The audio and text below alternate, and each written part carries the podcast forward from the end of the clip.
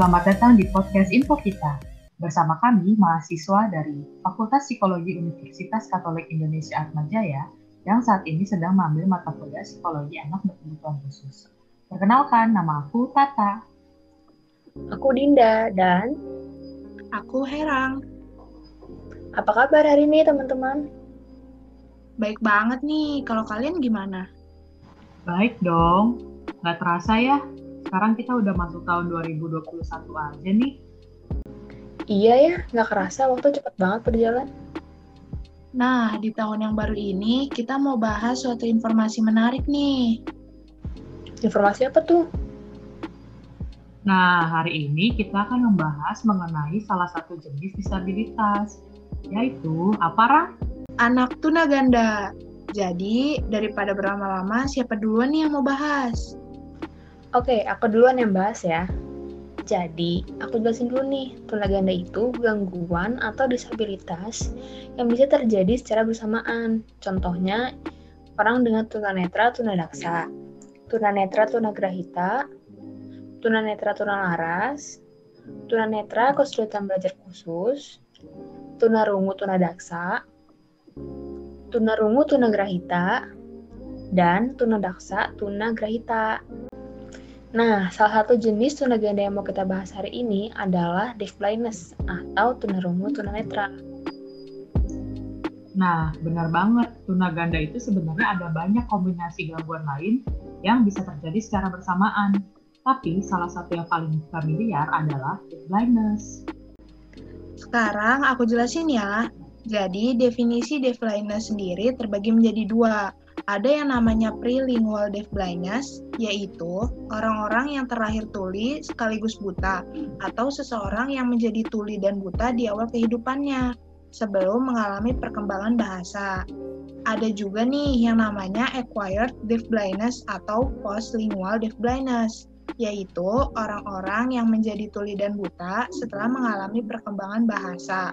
Atau dengan kata lain, mereka mengalami tuli dan buta itu setelah lahir.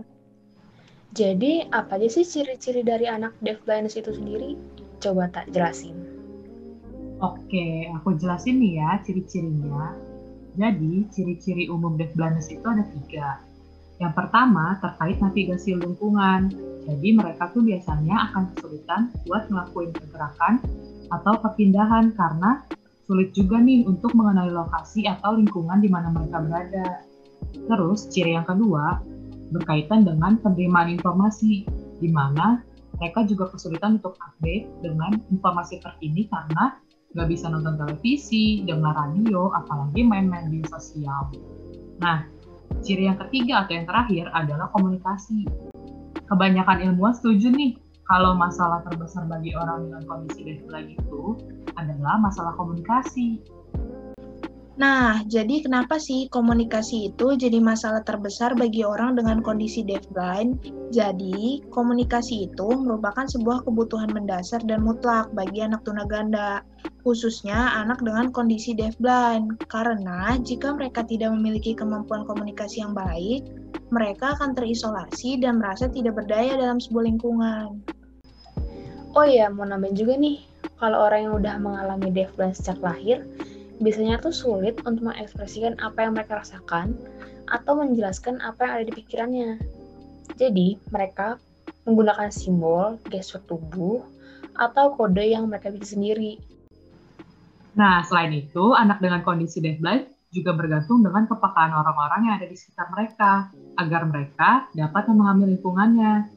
Terus, mereka juga harus belajar tuh buat memahami dunia mereka dengan menggunakan informasi yang terbatas yang tersedia bagi mereka.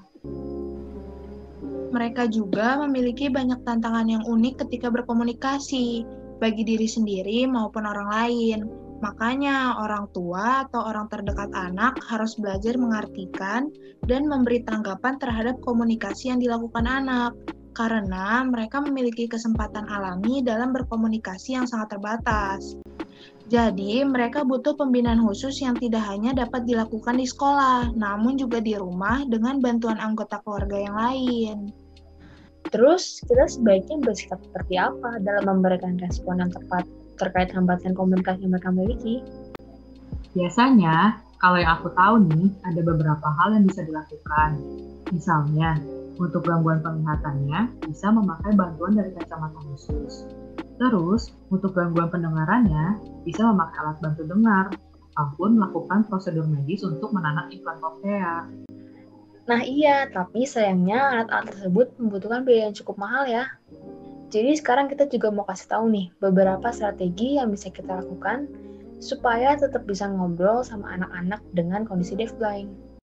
Benar, strategi ini bisa kita pakai untuk berkomunikasi jika memiliki anggota keluarga atau kerabat dengan kondisi deafblind, ataupun bagi masyarakat ketika berhadapan langsung dengan orang yang mengalami deafblind, sehingga nggak perlu merasa bingung untuk memulai komunikasi. Yang pertama, ada nih namanya hand over hand guidance. Caranya tuh meletakkan tangan orang dewasa di atas tangan anak dengan kondisi deafblind buat menunjukkan suatu objek atau bagaimana melakukan sesuatu dengan membimbing tangannya melalui suatu tindakan. Contohnya nih, um, kamu ketemu dengan anak kondisi deafblind. Anggap aja umurnya lima tahun deh. Terus kamu mau mengenalkan dia bola plastik nih, kayak yang ada di mandi bola gitu tuh. Nah, kamu pegang punggung tangan dia dan arahkan tangannya ke bola itu sambil meraba-raba bentuknya. Habis itu, kamu juga bisa nih mengajarkan dia misalnya untuk melempar bola tersebut ke arah depan dengan cara mengarahkan dari punggung tangannya ke arah depan bersamaan dengan melepas bola tersebut dari tangannya. Terus yang kedua, ada juga yang namanya hand under hand guidance. Caranya tuh menempatkan tangan orang dewasa di bawah tangan anak dengan kondisi deafblind untuk mendorong tindakan atau melakukan eksplorasi. Contohnya, kamu mau ngajarin anak dengan kondisi deafblind untuk ngambil biskuit di dalam toples. Kamu bisa meletakkan tangan kamu di bawah telapak tangannya, lalu diarahkan ke dalam toples. Nah, habis itu, kamu bisa membiarkan dia buat mengeksplorasi sendiri isi toples itu, sampai dia bisa ambil biskuitnya sendiri. Nah, ada juga nih namanya adapted sign. Nah, kalau teknik ini biasanya menggunakan tanda yang sudah diadaptasi sendiri sesuai kebutuhan orang dengan kondisi deafblind. Misalnya, kamu sedang melakukan bahasa isyarat Indonesia di tangan kamu. Lalu, kamu ambil tangan orang dengan kondisi deafblind supaya dia bisa meraba dan memahami maksud ucapan kamu. Nah, ini juga berhubungan nih sama teknik terakhir, namanya touch cues. Kalau teknik ini digunakan buat kasih tanda untuk menyampaikan pesan tergantung situasinya. Misalnya, aku menyentuh siku seorang anak dengan kondisi deafblind untuk memberi kode ke dia supaya berdiri. Touch cue sendiri digunakannya harus konsisten dan berbeda-beda pada setiap orangnya, biar anak-anak tuh tetap ingat makna di balik touch cues itu, serta gak bingung tuh buat mengenali lawan bicara dan pesan yang disampaikan. Wah, keren banget ya ternyata banyak nih strategi yang bisa kita gunakan agar dapat berkomunikasi dengan orang dengan kondisi deafblind. Bener banget. Oh iya, kalian pernah dengar tentang Helen Keller nggak sih? Nah, Helen Keller itu salah satu contoh penyandang tunaganda dengan kondisi deafblind. Oh, aku tahu, tapi belum tahu banyak sih. Coba deh jelasin lebih lanjut. Oke, Supaya lebih kebayang, aku jelasin sedikit ya tentang Helen Keller. Jadi, Helen Keller ini terlahir secara sehat, tapi waktu usia satu tahun dia mengalami demam tinggi yang mengakibatkan pendengaran dan penglihatannya menghilang. Nah, singkat cerita, Helen mau berkomunikasi sama orang di sekitarnya, tapi nggak ada yang memahami ucapan dia, sehingga ia mengamuk dan membuang semua benda-benda di sekitarnya. Lalu datanglah seorang guru bernama Anne Sullivan yang mengajarkan Helen cara berkomunikasi. Anne mengajarinya dengan menggunakan metode haptic. Jadi, haptic itu sebuah sistem yang fungsinya untuk menyediakan dan menerima informasi visual dan lingkungan. Juga memberikan reaksi pribadi menggunakan sentuhan ke tubuh.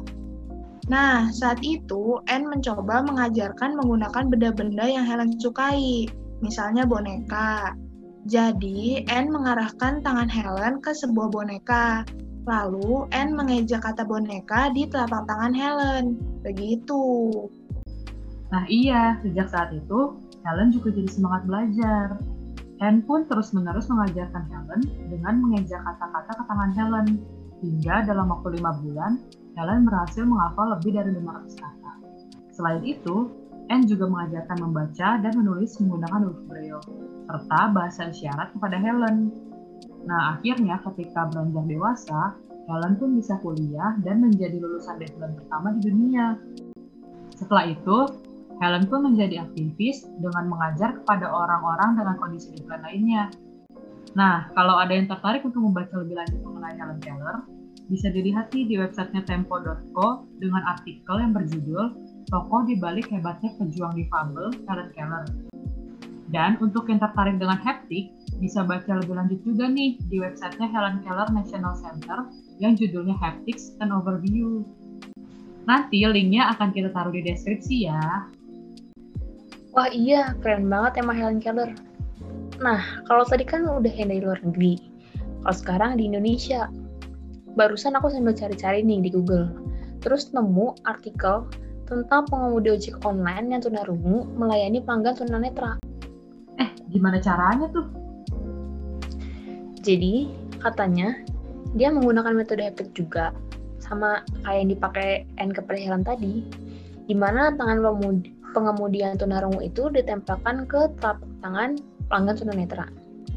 Lalu, pengemudi tersebut membuat gerakan bahasa isyarat di tangan pelanggan tersebut. Nah, tapi katanya metode ini cuma bisa digunakan kalau si pelanggannya juga tahu bahasa isyarat. Walaupun sedikit. Terus bahasa isyarat yang dia maksud tuh ya kurang lebih mirip lah sama yang adapted sign tadi. Nah, untuk penjelasan lebih lanjutnya bisa dibaca nih di websitenya tempo.co dengan judul artikel Cara Ojek Online Tuli Berkomunikasi dengan Pelanggan Tunanetra. Nanti linknya kita taruh di deskripsi juga ya. Wah, keren banget ya. Iya nih. Terus di sini ditulis juga kalau misalnya metode haptik ini biasanya digunakan oleh penyandang tunaganda dengan kondisi deafblind untuk berkomunikasi. Katanya ya, cara ini tuh cukup efektif untuk mengatasi kesulitan dalam berkomunikasi. Nah, bener banget tuh. Nyambung kan sama yang dari tadi kita bahas? Iya, jadi nambah informasi banyak banget deh hari ini tentang tunaganda, khususnya mengenai orang-orang dengan kondisi deafblind. Nah, menarik banget kan bahasan kita hari ini? Jadinya kita bisa nambah wawasan baru nih dan sama-sama belajar mengenai tunaganda, khususnya orang dengan kondisi deafblind, beserta cara biar bisa komunikasi dengan mereka. Hal-hal kayak gini emang penting banget deh dan akan berguna banget buat kita kalau bertemu orang dengan kondisi deafblind. Jadi gimana nih buat para pendengar? Seru bukan? Kalian gak perlu khawatir lagi nih kalau mau berkomunikasi dengan orang yang memiliki kondisi deafblind. Kalian bisa tuh pelajari lebih lanjut dan menerapkan strategi yang udah kita jelasin tadi. Bener banget. Makasih ya buat semua para pendengar yang udah ngikutin podcast kita hari ini. Semoga informasi yang udah kita kasih bisa berguna buat kalian semua ya. Bye-bye. Bye. Bye.